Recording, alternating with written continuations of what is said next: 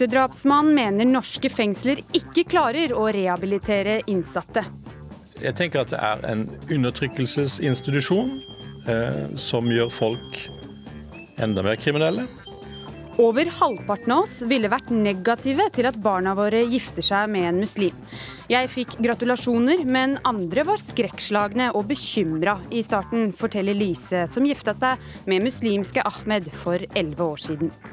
Og foreldre skryter mye av sure blokkfløytesoloer og danseopptredener i utakt, mener lærer, og ber oss kutte ut hallelujastemninga. Nei, barna kan ikke få nok skryt, jubler artist. Velkommen til ukeslutt i NRK P1 og P2. Jeg heter Marie Roksund. I løpet av denne sendinga kommer også TV-kongen Dan Børge Akerø, som denne uka gikk av med pensjon. Men før han pakker helt sammen, skal han gi noen råd om hvordan man kan bli en suksess på arbeidsplassen. Vi starter sendinga med at svært mange nordmenn ville vært negative til å få en svigersønn eller svigerdatter som er muslim. Vi har tatt en prat med folk på gata. Jeg ville jo selvfølgelig vært eh, skeptisk. Da hadde jeg nok skulle trekke pusten litt, skal jeg være helt ærlig. Ja. Jeg har et barn som er eldre enn deg, og som er, eh, har vært samboer med en som eh, kommer fra nordisk land. For å si det litt anonymt, men allikevel så er det en kulturforskjell, altså. Kjærligheten kjenner jo ingen grenser, og ingen hudfarge. Nei, Det hadde ikke jeg tenkt på som noe stort problem. Hadde jeg likt personen og syntes personen var sympatisk og grei og alt, hadde jeg ikke reagert på.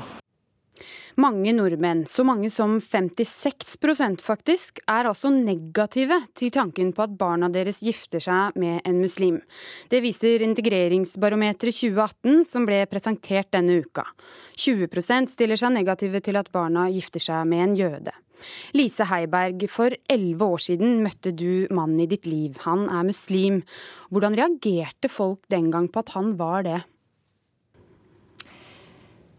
Familien var eh, for det meste positive. Altså, ønsket meg vel og regnet med at jeg hadde vett nok til å velge riktig for meg. Men det er klart det var en del som var skeptiske, og som tenkte at eh, hva har du gjort? Eh, hvordan skal dette gå? Det å være gift med en muslim, hva innebærer det?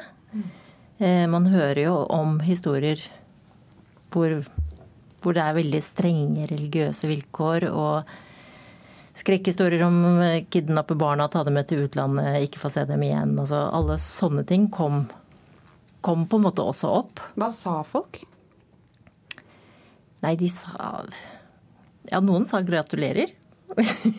og andre var mer sånn spørrende eh, til det. Og, og noen eh, ja, var som sagt litt sånn skrekkslagne og, og sa ja, men en muslim, hvordan skal dette gå? Ja. Hva tror du var grunnen til at de var bekymra da? Nei, Jeg tror jo det er en del av disse skrekkhistoriene man hører om. Og da vi eh, hadde møtt hverandre, så var det jo en del historier i media om, om eh, ene parten som tok med barna sine til utlandet, sånn som det også er i og for seg nå. Mm. Og som eh, tok dem med til hjemlandet sitt, og så fikk man ikke se dem igjen. Og man hadde egentlig ikke så mye rettigheter. Mm. Så det var en del bekymring liksom rundt det, selv om vi da ikke hadde barn. Vi har også med oss mannen din her i dag, Ahmed Abd Allah. Hva tenkte din familie om at du fant deg en norsk kone som til og med var medlem av Den norske kirke? Ja, jeg reagerte ikke veldig negativt på det, eller eh, tvert imot. Vi var eh, ja, litt overrasket over at mitt valg var at jeg skal gifte meg med noen som ikke er muslim eller egypter. Men jeg prøvde å forklare at eh, Eller eh, at det er samme. Eller eh, det er ikke veldig stor forskjell enn at jeg skal gifte meg med noen som er muslim. Og i alle disse årene jeg var rett, eller jeg fant ikke noe stor forskjell.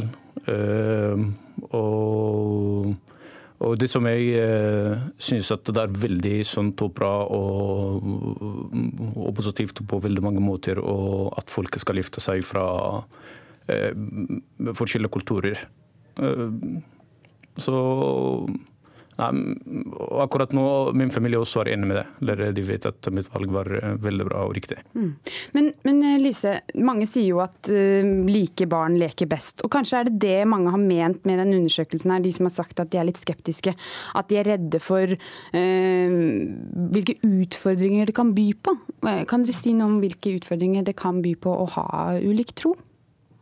En ting er ulik tro, men jeg tror det er vel så mye at man har ulike tradisjoner, ulike kulturer. Eh, det var, som det var i ingressen også med en dame som snakket om et, et svigerbarn fra et annet nordisk land, og der er det også kulturforskjeller, og det er kanskje den største forskjellen.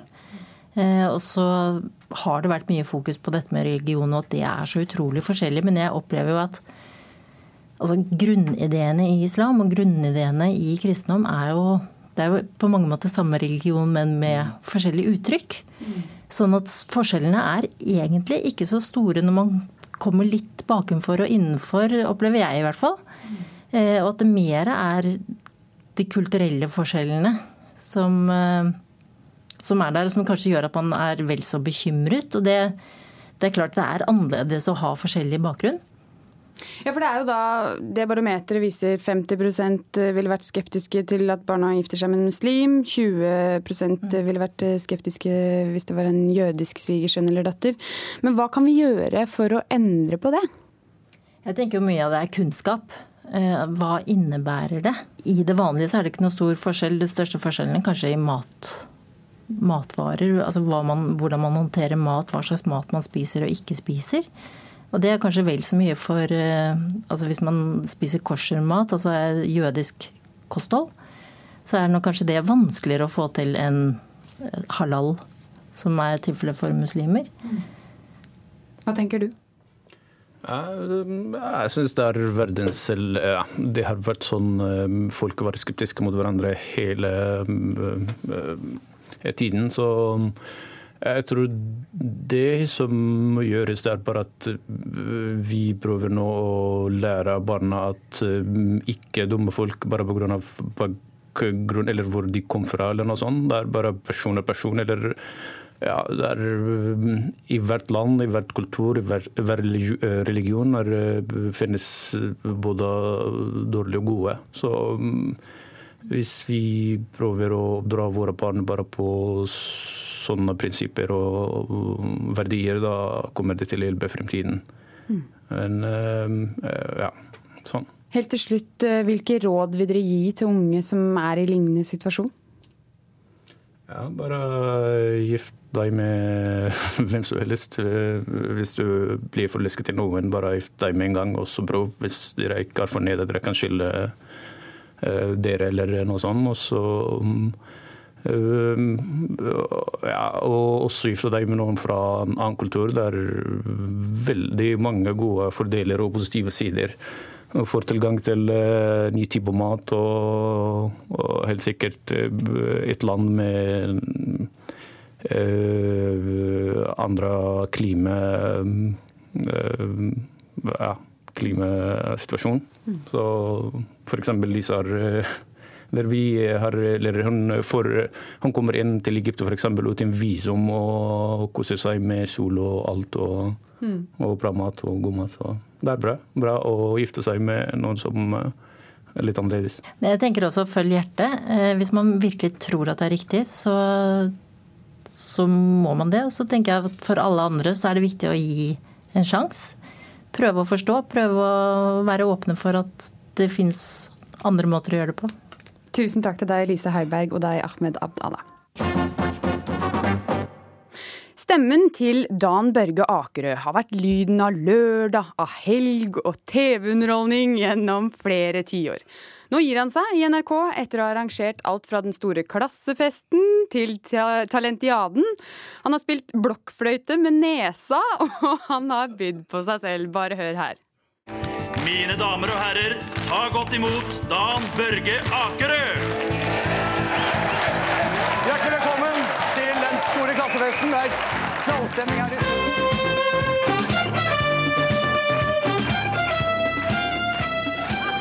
Dette inneholder jeg ingenting. Ut, jeg går ut fra dette etter sending. Vi blir nesten nødt til å ta noe av det. Jeg vet ikke, det her ligger Nei. Dette er en sånn latekskinne, Har du sett? Ikke, nei, du må ikke skjære opp! Se her. Du skjønner, her ligger det altså.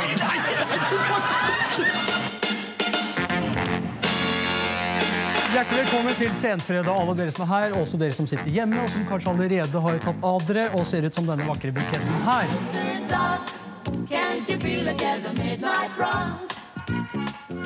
Mer enn halvparten av norske befolkning går uten bh, ikke sant? Denne uka ble Dan Børge Akerø pensjonert fra NRK. Jeg sier som du sa her, jeg. For du har gjort mye rart. Du har jo til og med avdekka kvinnebryst rett hjem i TV-stuene. Det er jo, vi alle, altså Kvinner er født med sine bryster, og det er jo en del av vår vakre natur. Så det, men det var faktisk det som var slutten av en gjennomgang av århundrenes undertøysmoter. Okay. Så uh, dette blir jo selvfølgelig revet ut av sin sammenheng, og så får det være. så da tar man bare det hottet på slutten der. Men det var et faktum på 80-tallet at det var helt vanlig å gå uten uh, bh. Mm. Men du husker da må det vises, vet du. Ja, nemlig. Det er klart det. Vi må jo trekke fram det. Du husker det tydeligvis godt. Er det noe annet du husker skikkelig godt? Du, Det er jo veldig mange minner ikke sant, til dette vaktmesteren. For de øyeblikkene der er jo det fine at jeg skulle jo ikke vite hva som, som skjedde. Jeg var jo liksom prosjektleder, programleder, men da måtte jeg forlate møtet. For da skulle redaksjonen planlegge hva er morsomt denne gangen. Og det tror jeg nok bidrar til at det ble det ble gøy. og det kan jeg, huske. i hvert fall Folk husker det, men jeg husker også alle de morsomme imitasjonene som Trond Kirkevåg hadde. De blir jo brukt stadig. Men problemet med imitasjoner er jo at de som blir imitert, de blir eldre, og de går bort. Og da slutter folk å vite hvem det er. Og det å imitere folk man ikke vet hvem er, det er alltid en morsom lek. Men du er en mann de fleste vet hvem er, i hvert fall. Og nå har du altså rydda pulten din etter mange år i NRK. Hvor mange kasser har du båret ut av kontoret ditt? Du, altså, jeg er jo veldig, veldig flink i forbruk av offentlig eiendom. Så det ble, det ble egentlig to plastposer pluss én plastpose med et stort leksikon i. Okay. Så det, det Faktasjekk er viktig. Ja, da, for det brukte vi veldig mye i, i Kvistan. Ja. For der finnes det gamle, store norske leksikon som bare er ettbinds. Mm. Som tar for seg hvert år de siste 100 årene. Ja, Det burde vært folkeeie i alle hjem, men det får man bare på antikvariater nå. Mm. Er det vemodig å skulle gi seg? Det er det jo. Og så tenker jeg på det å ha kunnet glede seg til å komme inn i det store, magiske Hvite hus på Marienlyst hver eneste dag omtrent. Når man har hatt sendinger, så er det klart at det begynner med Det er kanskje du kjenner på også, som, uh, som prøver deg på dette programmet uh, i første gang. at det, det, er litt ekstra med premierer og sånne ting. Og blir det for mye, så skal du ikke være der. Men, men det er pirrende med direktesendinger, og det hadde vi alltid den gangen. Mm. Så, så, Men følelsen av å være velkommen, det er det aller viktigste, og det er det deilige. Men som du sier, så er det altså min aller første ukesluttsending. Ja. Så i og med at du er en ganske så dreven NRK-mann, tenkte vi at det hadde vært gøy at du kunne gi oss litt tips til hvordan man kan bli en suksess på arbeidsplassen. Og da tenkte vi at du kan følge med oss videre her i sendinga og gi litt råd underveis. Ja, jeg syns du har kommet veldig godt i gang, i hvert fall. godt å høre. Du har sikkert bladd deg nedover på Facebook og sett reklamer der slanke modeller med plettfri hud og perfekt tannrad skal få deg til å kjøpe både det ene og det andre. Kristine Evjen, leder i Oslo Grønn Ungdom, du skrev i Aftenpostens side at man må slå ned på det du kaller menneskefiendtlig reklame. Hva mener du med det? Jeg mener at uh, ungdom bombarderes med reklame som gir oss en falsk fortelling om hvordan lykke betyr det å være slank og pen. Og jeg mener at slik reklame som fravrører oss friheten fra stress, press og dårlig selvtillit, er menneskefiendtlig reklame og viktig å gjøre noe med. Og da snakker jeg om markedsføring av f.eks. slankemidler, kosmetisk kirurgi, dietter med farlig lavt kalorinivå og fremstilling av manipulerte modeller som skal se perfekte ut. Mm. Men hva tror du det gjør med oss, da, at vi hele tiden ser denne typen reklame? I flere rapporter så viser det seg at ungdom flest oppgir reklame som en stor eller den største årsaken til kroppspress. Og Senest i går så snakket jeg med en venninne som var helt fortvila fordi hun følte at hun aldri klarte å oppnå de skjønnhetsidealene hun ser i media. Hun teller kalori hver dag, trener masse og har begynt å utvikle bulumiske tendenser. For hun tenker at hvis hun bare blir tynn nok, så vil hun endelig føle seg bra nok. Og dette er tendenser jeg ser hos mange av mine jevnaldrende av alle kjønn, og det er en livsfarlig utvikling. Mm. Ole Jakob Warlo, du er eh, første nestformann i Oslo vest Fremskrittspartiets Ungdom.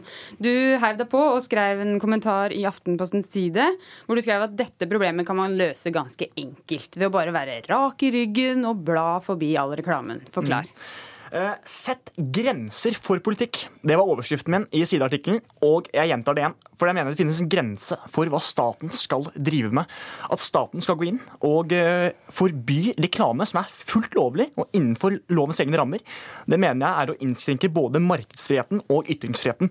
Og så er jeg helt enig med Kristin Evjen med kroppspress. For det er jo sånn at ungdom i dag de opplever kroppspress på alle mulige samfunnsarenaer. Og de skal prestere på alle mulige samfunnsarenaer. Men det å forby, uh, forby reklame som er lovlig, det mener jeg helt feil. Jeg tror heller at, eh, som jeg også skriver i artikkelen, at eh, vi må kreve litt mer selvstendighet og det å være rakrygget. At ungdom ikke tar all reklame for god fisk, men heller er litt mer kritisk til det. Som blant annet, Hvis de f.eks. har sjekket på internett, da, finner ut hva produktene inneholder, så vil de kanskje danne seg et bilde av ok, er dette produktet bra for meg, er det ikke bra for meg. Og hvis det ikke er bra for meg, ja, da unngår jeg å kjøpe produktet. Så stor tillit har jeg til dagens ungdom, for de har alltid vært mer opplyst. Ja, for da har du mye tillit til ungdommen. Jeg tenker, Er det så lett å bare bla forbi den reklamen? Det er jo ikke bare på Facebook, det er jo overalt. Eh, det stemmer det, og blant annet i sosiale medier så er jo det et eh, problem, kan du vel si. da. Eh, men da er det sånn at hvis du blir støtt av reklamen, så kan du skjule annonser og eh, rapportere inn til bl.a. Facebook og Instagram hvis du føler reklamen er støtende. Og Da har du et, et problem mindre å forholde deg til. Men det er, ja, er ikke det litt mye å forlange av ungdommen? Hva tenker du, Kristine Eivind? Uh, jeg mener at uh, sosiale hensyn skal gå foran kommersielle interesser. Og jeg mener at hvis det er bedre for folkehelsa og livskvaliteten til mange ungdommer, så er det et tungt argument for å gripe inn i reklamemarkedet. Og det å si at mennesker som opplever kroppspress, bare skal stå imot, er som å fortelle en deprimert person at den bare må skjerpe seg. Det er ikke sånn psyken fungerer. Og ungdom de møter 3000 kommersielle budskap hver dag, og hjernen vår er under utvikling og derfor i en veldig sårbar posisjon for ytre påvirkning. Og da er det klart at når det eneste vi ser, er urealistiske skjønnsidealer og hvordan vi skal oppnå dem, så synker budskapet inn. Og Det er derfor jeg mener at vi må vise mer mangfold og langt færre måter å oppnå det såkalte idealutseendet på. Mm. Men Valo har jo kanskje et poeng. Da. Det er jo viktig at ungdommen også er kritiske. Men hvordan vil du si at uh, ungdommen kan trene seg opp til å bli mer kritiske? da, Valo? Eh, altså, for det første eh, så tror jeg at uh, mye av dette kan gjøres i undervisningen i skolen. Uh, jeg tror bl.a. at vi kan kanskje ha litt mer reklameanalyse i den videregående skolen. Hvor man lærer å vite hvordan markedsføring kommer inn på oss individer. Blant annet er det jo patos, at man spiller på følelser. Og jeg tror at eh, Hvis man skjønner at eh, man bl.a. bruker retusjert reklame for å gjøre at eh, vi skal få mer følelse for produktet og kanskje kjøpe det, så vil man kanskje skjønne at retusjert reklame det er en måte som gjør at vi blir mer usikre på. Vi vil kanskje kjøpe produktet fordi at det er retusjert. Og det tror jeg at Hvis man skjønner at det er retusjert, så vil man prøve å unngå å heller kjøpe produktet. Og jeg tror også vi må snakke om problemene, som vi gjør nå. Ja, har du andre eksempler enn undervisning? Ja, jeg tror at det, sånn som vi gjør nå, debatt, det er veldig bra. For det er så tabelagt, det temaet vi snakker om nå. Det er veldig få som tør å snakke om det. Både gutter og jenter opplever kroppspress i dag. Og jeg tror at det, Å ha debatter, debatter i ulike fora det er veldig sunt for debattklimaet.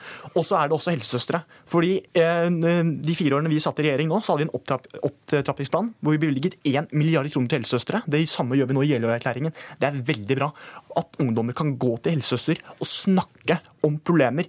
Fordi det er ikke alltid det hjelper å være hos foreldrene eller snakke, hos, eh, snakke med vennene sine om disse problemene her. Og da kan helsesøster være et godt alternativ. Ja, her er jo selvfølgelig Grønn Ungdom helt enig. Vi mener også at det viktigste arbeidet skjer tidlig i livet for å lære ungdom å bli sterke og trygge nok til å ignorere presset fra reklamen. Men nå er det slik at det er, vi har en situasjon der hvor ekstremt mange, altså 43% av alle ungdommer oppgir at de føler på daglig kroppspress, og da må vi ta det innover oss. Og se på årsakene til dette kroppspresset og faktisk gjøre noe med det. Fordi det er det politikken kan innvirke på. Vi har faktisk makt over reklamemarkedet. Det har vi ikke over ungdommens tankesett. Ikke så umiddelbart. Men eh, tror du, Så du kan være enig i at det er viktig at vi skal være kritiske? Det er du enig i? Ja, selvfølgelig. Ja. Men øh, Tror du ikke også at kanskje budskapet ditt undervurderer folk litt? Altså, litt som Valo sier, at ungdommen klarer jo å tenke litt kritisk selv.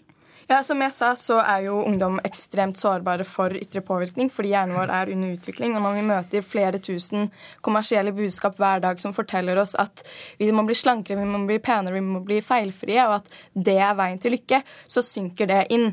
Og jeg mener selvfølgelig at vi skal gi ungdom verktøy til å se kritisk på reklamer, og da er f.eks. merking av retusjert reklame, det å gi beskjed om at denne, denne modellen er manipulert, det er en måte å gjøre det på.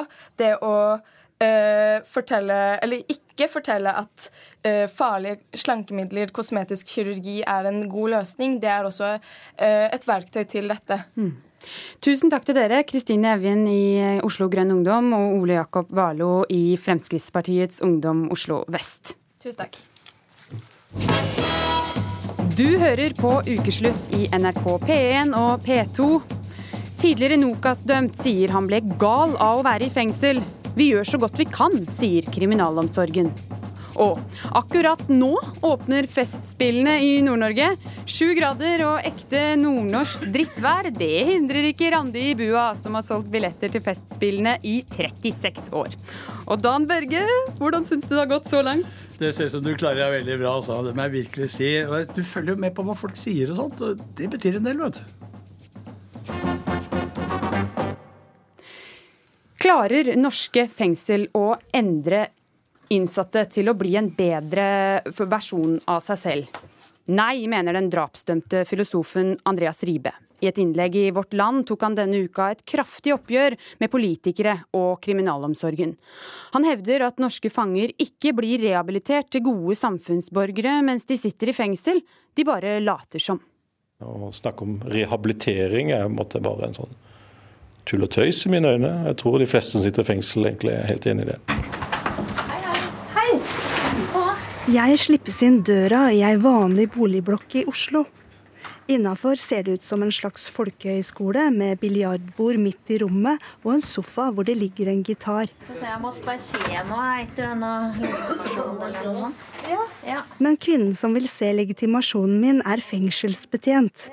Jeg er i en overgangsbolig for 16 straffedømte som snart skal ut i samfunnet.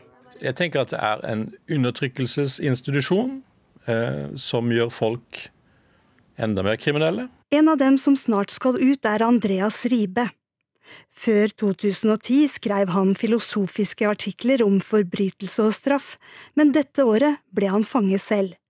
Da ble han dømt for å ha slått i hjel sin daværende kjærestes eksmann med ei øks. I går kveld ble en 49 år gammel Akershus-mann funnet drept i et skogområde like over svenskegrensen. Funnet ble gjort etter at ekskonas samboer hadde tilstått drapet og førte politiet til liket. Det er jo en helt forferdelig Det er jo en grusom ting å ta livet av et menneske. Eh, jeg har ikke noe, liksom, jeg prøver ikke å si på noen som helst måte at jeg ikke skulle hatt straff for det. Så det er ikke det som er poenget mitt. Det som er drapsdømte Ribes poeng, kunne leses i Vårt Land denne uka. Der skriver han at kriminalomsorgens rehabilitering av fanger ikke fungerer. Fangene skjønner hva fengselsbetjentene ønsker fra dem, og later som de er med på leken. Det er ingen som forandrer seg, det er bare et spill. Veldig mange kriminelle er veldig gode på det. De, er, de måtte smisker, og de er så flinke til å si til kontaktbetjent, eh, som er liksom den nærmeste betjenten de har, og hun eller han er så god og snill og flink og får til ting med vedkommende, og nå har jeg forandret meg så mye. Og så blir jo betjenten veldig fornøyd og føler at nå gjør jeg en god jobb. Eh, og så vanker det litt goder. Og så kom han ut, og så er han blitt enda bedre til å skjule kriminaliteten sin og fortsette med den. Ribe skriver også at kollektiv straff og ydmykelser er en del av hverdagen i lukka fengsler i Norge. Hvis det er grov slåssing i et treningsrom, da stenger de treningsrommet i tre måneder eller mer. Hvis noen ødelegger låsene, som også skjer iblant, og man saboterer låsene, ja, da stenges alle inne. Sperres alle inne når man får det til igjen, i dagevis. At folk får inntrykk av at norske fengsler er humane, er ifølge Ribe medias og medfangers skyld. For Når man har lagd denne myten om at fengsel i Norge er det beste i verden, og det er som hotell, og det er flatskjerm, og det er ikke måte på, sitter man og spiller og koser seg. Og det er ikke måte på hvor mange villige fanger man kan få som, som spiller med på det heller, dessverre. da. Hvis det kommer et kamerateam inn i fengsel, skal de sitte og breie seg. 'Å, så flott vi har det!' Man skal iallfall ikke vise at det gjør vondt å sitte i fengsel. Ikke akkurat i fengsel. Så gal ble jeg inne. Mannen som sier han ble gal i fengsel, er Erling Havnå. Han sona ti år for Nokas-ranet, og hver gang han ble intervjua, skrøt han av hvor herlig han hadde det i fengselet. Jeg hadde det veldig, veldig bra. Så kjempesynd på ungene mine som hadde slitt seg fram i snø, og folk som sto og dytta biler på vinteren og hadde det helt jævlig, mens jeg da bare tusla rundt i tøfler og plutselig hadde det greit. Det var den stilen jeg hadde hele veien. Havnå vil ikke anbefale noen å gjøre som han, for den som trives i fengsel, vil havne der igjen. Når jeg slapp ut av fengselet, så var jeg mye, mye mer kriminell i hodet mitt enn egentlig når jeg ble satt inn. Faktisk, altså. Altså det vi kan gjøre, det er å legge til rette. Vi kan ha en del eh, tilbud, men innsatte må jo ville. Innsatte må ville også endre seg. Ole Jonny Ridland er fengselsleder på Ullersmo, hvor Ribe har sona deler av straffen. Fengselslederen avviser at de driver med kollektiv straff. Så har det vært hendelser, så må jo vi gjøre de grepene slik at vi får kontroll på situasjonen. Og så må vi selvsagt se på hva var det som har skjedd, og at det gjennom det kan oppleves eh, at vi skjerper inn ting som en kanskje har gjort. Det, det, det, det kan godt være. Men det ligger ikke det bak at uh, vi driver med kollektiv avstraffelse. Det, det, gjør det ikke. Ribe beskriver rehabilitering som et spill, hvor den som lyver, klarer seg bra. At innsatte tar imot et tilbud av ulike årsaker, og at man gjør det av den grunn som du sier nå, det, det, det kan godt være. Men vi har i hvert fall tilbudene, og vi, vi, ønsker at innsatte skal benyttes av det og, og ha utbytte av det. Det er også knaps. Den er blitt litt sløv. Ribe kutter opp en grønn melon på kjøkkenet i overgangsboligen. Neste år er to tredeler av drapsdommen på 14 år ferdigsona, og Ribe blir en fri mann. Men Ribe kan allerede nå være ute hele dagen. Kravet er at han er på plass i boligen igjen klokka seks hver kveld. Hvis han bryter med kravet, blir straffen mindre behagelig. Det er kanskje noen som tenker at det at du kan være ute hele dagen, og så komme tilbake hit, at det ikke er noen straff, liksom? Eh, jeg tror enhver som har prøvd sånn type straff, merker at det er straff. Det er kanskje mer intuitivt at det er liksom vondt å bli piska på et vis. Kanskje mindre intuitivt at det å ha begrenset frihet er eh, vondt. Og så det, så har vi jo lagd en slags mytologi om at det er så fantastisk å sitte i norske fengsler. At folk reiser land og strand for å komme til Norge og sitte i fengsel omtrent. Så når man har sånn mytologi, så er, skjønner jeg jo man måtte bli opprørt. For man blir opprørt på bakgrunn av mytologien om hva fengsel er, men ikke egentlig nødvendigvis hva det er å sitte i fengsel. Er du redd for at noen eh, blir litt provosert av at du Du har jo drept noen. Mm. Og så klager du over eh, straffen, på et vis? Eh, jeg har, ikke, jeg har, ikke, på noen måte sagt at jeg ikke skal ta den straffen jeg har fått. Den tar jeg. Jeg kritiserer straffen fordi at den ikke er det den utgir seg for å være. Da syns jeg ikke vi skal drive og lyve om hva vi holder på med. Reporter i saken var Kari Li. Direktør i Kriminalomsorgsdirektoratet Marianne Vollan. Er det straff eller er det rehabilitering dere holder på med? Kriminalomsorgen gjennomfører straff, ehm, og det er selve begrensningen av friheten. Eh, men innenfor rammene av den straffen så prøver vi jo å motivere domfelte til å endre kurs. Siden vårt mål er å trygge samfunnet ikke bare under straffegjennomføringen, men også etter. Så svaret er egentlig eh, begge deler. I den saken vi nettopp hørte nå, så blir det jo påstått at de innsatte bare blir mer kriminelle. At de ikke endrer kursen, som du sier. At de bare later som om de rehabiliteres. Stemmer det? Altså Den domfelte må jo selv ønske endring. Vi kan legge til rette. Vi kan bidra til at eh, den domfelte får hjelp til eventuelle helse- og rusutfordringer, eh, blir kvalifisert til arbeid og utdanning og har fornuftig aktivitet. Men eh, den domfelte selv må jo ønske en endring. Eh, når det er sagt, så, så, har altså Norge et av de laveste tilbakefall eh, i, i, verden. Så jeg kjenner meg ikke helt igjen i den fremstillinga som et generelt bilde. Men så generelt så mener du at man blir en bedre skikka samfunnsborger av å sitte i fengsel? Det vi vet er at eh, noen vil falle tilbake til ny kriminalitet, så vi, eh, vi kan ikke endre eh, alle.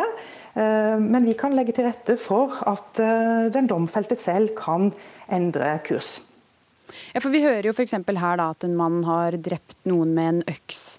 Og Det mange lurer på er jo kan man endre mennesker i løpet av et fengselsopphold. Du legger inn et forbehold, men kan du si noe generelt? Det, vi kan tilby, vi kan eh, sette domfelte i forbindelse med andre eh, hjelpeinstanser som kan bidra til hjelp ved rusutfordringer, eh, helseutfordringer. Det er det mange av våre innsatte som, som, sliter med. Men vi kan jo selvfølgelig ikke gi noen garanti mot at domfelte vil falle tilbake til ny kriminalitet. Takk til deg, Marianne Vollan, direktør i Kriminalomsorgsdirektoratet.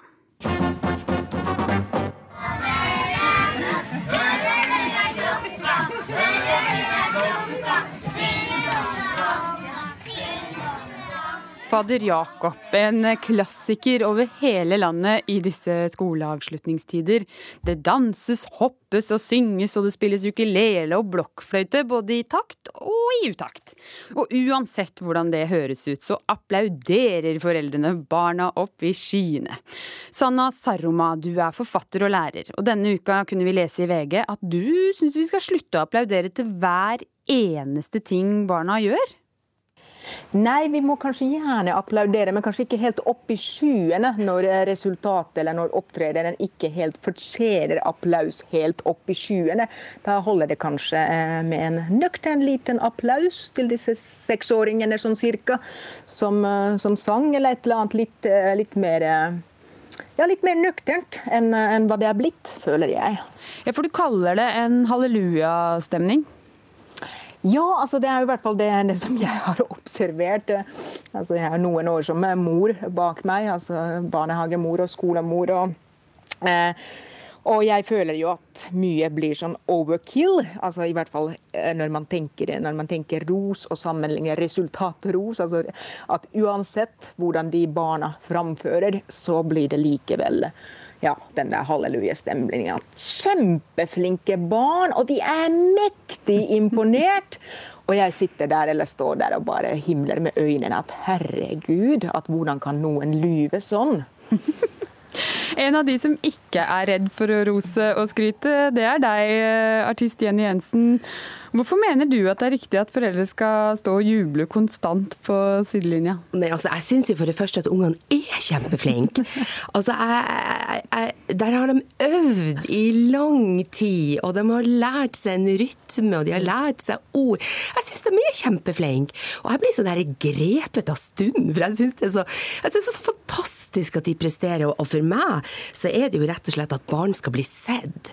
At barn skal få motivasjon, at barn skal få et selvbilde og selvtillit på å kunne gå videre. Jeg tror at hvis man, hvis man skulle, skulle, skulle, være så blodig ærlig som en voksen eh, kritiker til sånne små barn, så tror jeg mange talenter hadde blitt borte på veien. Så det vil ikke jeg være med på. Jeg vil stå fremst i hylekoret og synes det her er superbra. Men ljuger vi, eller ljuger vi ikke? Nei, altså det er jo litt ørene som hører. Eh, altså når vi hørte fader Jakob her, så hørte jeg veldig mye fint, men jeg hørte jo òg at det var ting som ikke var helt i tune. Men så er det jo barn. Altså, de skal jo ha for at de prøver, de skal ha for at de har lært seg tekst, de skal ha for at de tør å prestere. Mm. Og jeg er tilhenger av å heller være positiv, da. Ja, Sanna Saroma, knekker vi selvtilliten til de unge små? Nei, jeg tenker altså jeg vil, jeg vil, i hvert fall aller først vekk fra den der framstillingen at Eh, at jeg er negativ, og og jeg er positiv. Altså, jeg tenker at eh, jeg er også positiv, men jeg tenker at, at jeg vil være positiv på en poengtert måte. Altså, jeg tenker at den rosen som gis, og det skal for all del, for all del skal barna roses, men jeg tenker at den rosen skal være poengtert og berettiget. Altså, det skal være hold i det. Altså, den rosen skal være mest mulig nøyaktig og mest mulig sann. Altså, man, man kan gjerne rose innsatsen eller progresjonen. Altså, hvis det virkelig har øvd seg i lang tid, og det har de slett ikke alltid gjort, så kan man rose at dere har liksom øvd i lang tid. eh, Eller at dere, er, dere har et fint samhold når dere står på scenen. Altså, Et eller annet finnes det å rose for, helt sikkert. Jeg tenker, jeg, som, som lærer sier jeg ofte at uh, hvis elever tør å komme opp på tavla. Altså, det kan jo hende at det er mye rart som kommer på tavla. Altså, selv jeg gjør skrivefeil på tavla. Eh, og, mm, så, så jeg pleier å si, eller prøver å huske å si, at takk for at vi kan bruke ditt eksempel. For det er jo ganske modig gjort at man går og utsetter seg, eller utsetter sitt eksempel for kritikk. Altså Det finnes alltid noe å rose for, men jeg tenker at vi skal være ærlige. At vi kan ikke Altså det blir, så, det blir så mye. Altså det er sikkert jeg som finne som opplever at, at den, det norske blir sånn at alt er fantastisk, kjempebra. Eh, flinke dere. Eh, og det syns jeg det står som regel ikke i forhold til innsatsen eller, eller, eller framtredenen. Men det er akkurat der jeg er blodig uenig. For, at, for at hvem er jeg som kan sitte der og bedømme at innsatsen er ikke bra nok, eller de har ikke øvd lenge nok? Jeg hører jo det jeg hører, jeg ser det jeg ser. Og det er barn det gjelder her. Det, det, det, det handler jo om å, å, å være positiv og, og, og la, la dem få et eller annet å leve videre på. Så det lille frøet som de vil bygge videre på. Men Jenny Jensen, er det ikke da litt å sy puter under ermene på barna hvis de hele tiden får høre masse masse ros, og så plutselig får de én negativ kommentar, og så kanskje får de helt knekken? Nei, altså Jeg tror ikke barn er så dum som det vi prøver å si nå. For barn de skjønner også hva de gjør og hva de ikke gjør. Og jeg er helt enig i at man skal òg være ærlig. Og jeg er nordlending og er vant til å kalle en spade for en spade, men det her er barn det gjelder.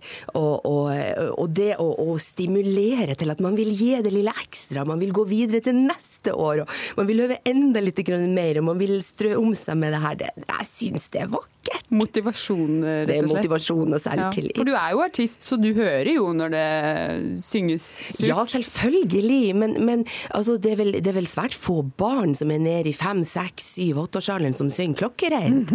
altså, da skal du være et naturtalent, og de aller fleste er jo ikke det. Så la oss få med hele grasrota. Ja. Nå har vi jo da heia og jubla oss gjennom hele juni.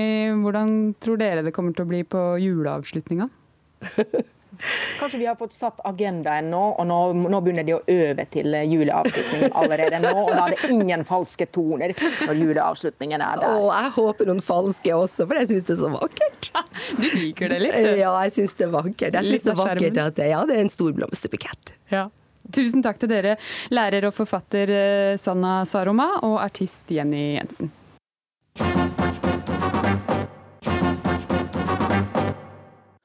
For noen få minutter siden åpna Festspillene i Nord-Norge med over 250 arrangementer på programmet i løpet av den neste uka. Reporter Rune Norgård Andreassen, du står midt på, gata, på gågata i Harstad. Kan vi høre at det regner, eller hvordan er stemninga? Du, du, har helt rett. Det øser pøse ned her i Harstad. Men likevel så er det et tjåkefullt sentrumstorg som får med seg åpninga av Festspillene i Nord-Norge. Her går det i taler og prologer og kunstneriske overraskelser. Akkurat nå så er det Festspilldirektøren sjøl og Maria Utsi som står på, på scenen. Og som du skjønner, så er paraplyer og ponchoer er det paraplyer og ponchoer som har erstatta finstasen. Regnværet passer jo i og for seg ganske bra med tanke på kveldens åpningsforestilling som er en dansk konsert som har fått navnet Aquasonic. Og den er litt spektakulær, da, for den foregår under vann. De fem danske musikerne de sitter i hver sin vanntank på scenen og fremfører verket Aquasonic. Og ja, det, det, skal være ganske så spektakulært, det som skal foregå i Kulturhuset i Harstad i, i kveld. Jeg står her nå da i lag med ho Randi. Randi Olsen, som har vært med på å lage 36 festspill. 37 festspill i Nord-Norge. Hvordan er det å være i gang igjen, Randi? Jeg syns det er helt fantastisk. det er dette vi går og gleder oss til hele året. Vi jobber gjerne døgnet rundt, for vi vet at når det bryter løs og masse folk kommer til byen, det, vi elsker det bare. Prater med masse folk som blir fornøyd, som kanskje går på ting som de ikke aner at de kunne finne på å gå på. Så dette her, det er bare stas. Så får regnet bare komme. Vi har klær her i Nord-Norge, så det går helt greit. Du heter Randi Olsen, men vi kjenner deg best som Horandi i i bua. Hva er grunnen til det? Nei, Det er jo for at jeg har stått her noen år og eh, informerer om Festspillene. I og med at jeg jobber i administrasjon, så jeg vet jeg kanskje litt mer enn den vanlige publikummer. Og så er det å prøve å få dem til å gå på ting som de ikke aner, da, siden at det er mye ukjent. Og nå som vi er en arktisk festival og har veldig mye fra det arktiske området, så er det enda mer ukjent for folk. For det er ikke ofte de hører om artister fra Island og Grønland og Canada. og så dette her, det blir bare stas. Og mange lar seg faktisk overtale til å prøve noe nytt. Du, Hva du tror om de her danskene som skal spille under vann i kveld? Ja, nei, det blir det, De sier det skal bli en hel opplevelse. De sitter jo ned, neddøppa i et eh, stort kverset akvarium på en måte. Og eh, Det blir melodisk og det blir flott, men det blir en helt spesiell lyd. Jeg tror alle får seg en flott timesopplevelse i storsalen. Du, Det er 250 arrangement de neste sju dagene, åtte dagene her i, her i Harstad. Eh, og du skal stå på torget her mens masse av det her foregår. Hvor mye får du sjøl med deg? Jeg prøver når vi stenger her eh, butikken klokka seks om kveldene, så prøver jeg å sprenge alt jeg klarer for å få med meg det som er igjen av kvelden. Men så er det jo masse gratisarrangement også her på torvet hver dag. Vi har dinosaurer som er syv meter lang og fem meter høy. Vi har klovner, vi har musikere, vi har gateteater hver eneste dag. Det er bare å komme til Harstad. Opplev gratisarrangement og betalarrangement. Tusen takk til Randi Olsen, best kjent som Randi i bua, som er med på å arrangere Festspillene i Nord-Norge for 37. gang. Og det er ikke snakk om å gi seg før natt til neste søndag. Takk til deg, reporter Rune Norgård Andreassen. Husk regnjakke, da. Dan Børge, nå går sendinga mot slutten. Hvordan eh, gikk det her, da? Det synes det har gått veldig fint med deg. Altså, det som er et pre for intervjuere i sånne programmer som går direkte, det er ikke bare at man har skrevet noen gode spørsmål på Man må høre hva de faktisk svarer. ikke sant? Her, hva så du? De, man må høre faktisk hva de svarer. For ja. det, det, kan gå en annen vei, og da blir det veldig dumt hvis man kjører tilbake i sitt spor. Ja. Og så er det så mange muligheter ved bare å rett og slett lytte. Der er du veldig flink, så det kommer til å gå kjempefint. Så bra. Ja, For det å være ny i en jobb da, det innebærer jo alltid en viss frykt for at ting kan gå litt skeis. Ja. Og det at man har første sendinga i ukeslutt kan være det, eller at eh, det gjelder generelt her i livet. Så da må jeg spørre deg, da. Du har jo sikkert dumma deg ut en gang eller to når du har vært så mange timer på TV? ja, jeg tror tusen 1000 eller 2000 ganger. Men det er ikke så farlig hvis man tar det med litt sånn godt humør. Og man behøver ikke, i hvert fall ikke på TV, og nødvendigvis å bli likt av alle hele tiden. Man har små overtramp her og der, men hvis det blir for mange av det, så er det jo ikke bra. Men det, det, har man da en redaksjon til å passe på. Man har familie, man har venner. De er med på å holde deg på en kanskje bred sti, men ikke ut i grøftekanten. Og det er veldig fint. Så, det, så, sånn er det ute også. Jeg er spent på hvordan det skal gå når jeg skal slutte her på Det hvite hus, ikke sant? Mm -hmm. ja. ja. fordi jeg sitter jo her med visittkortet ditt i handa.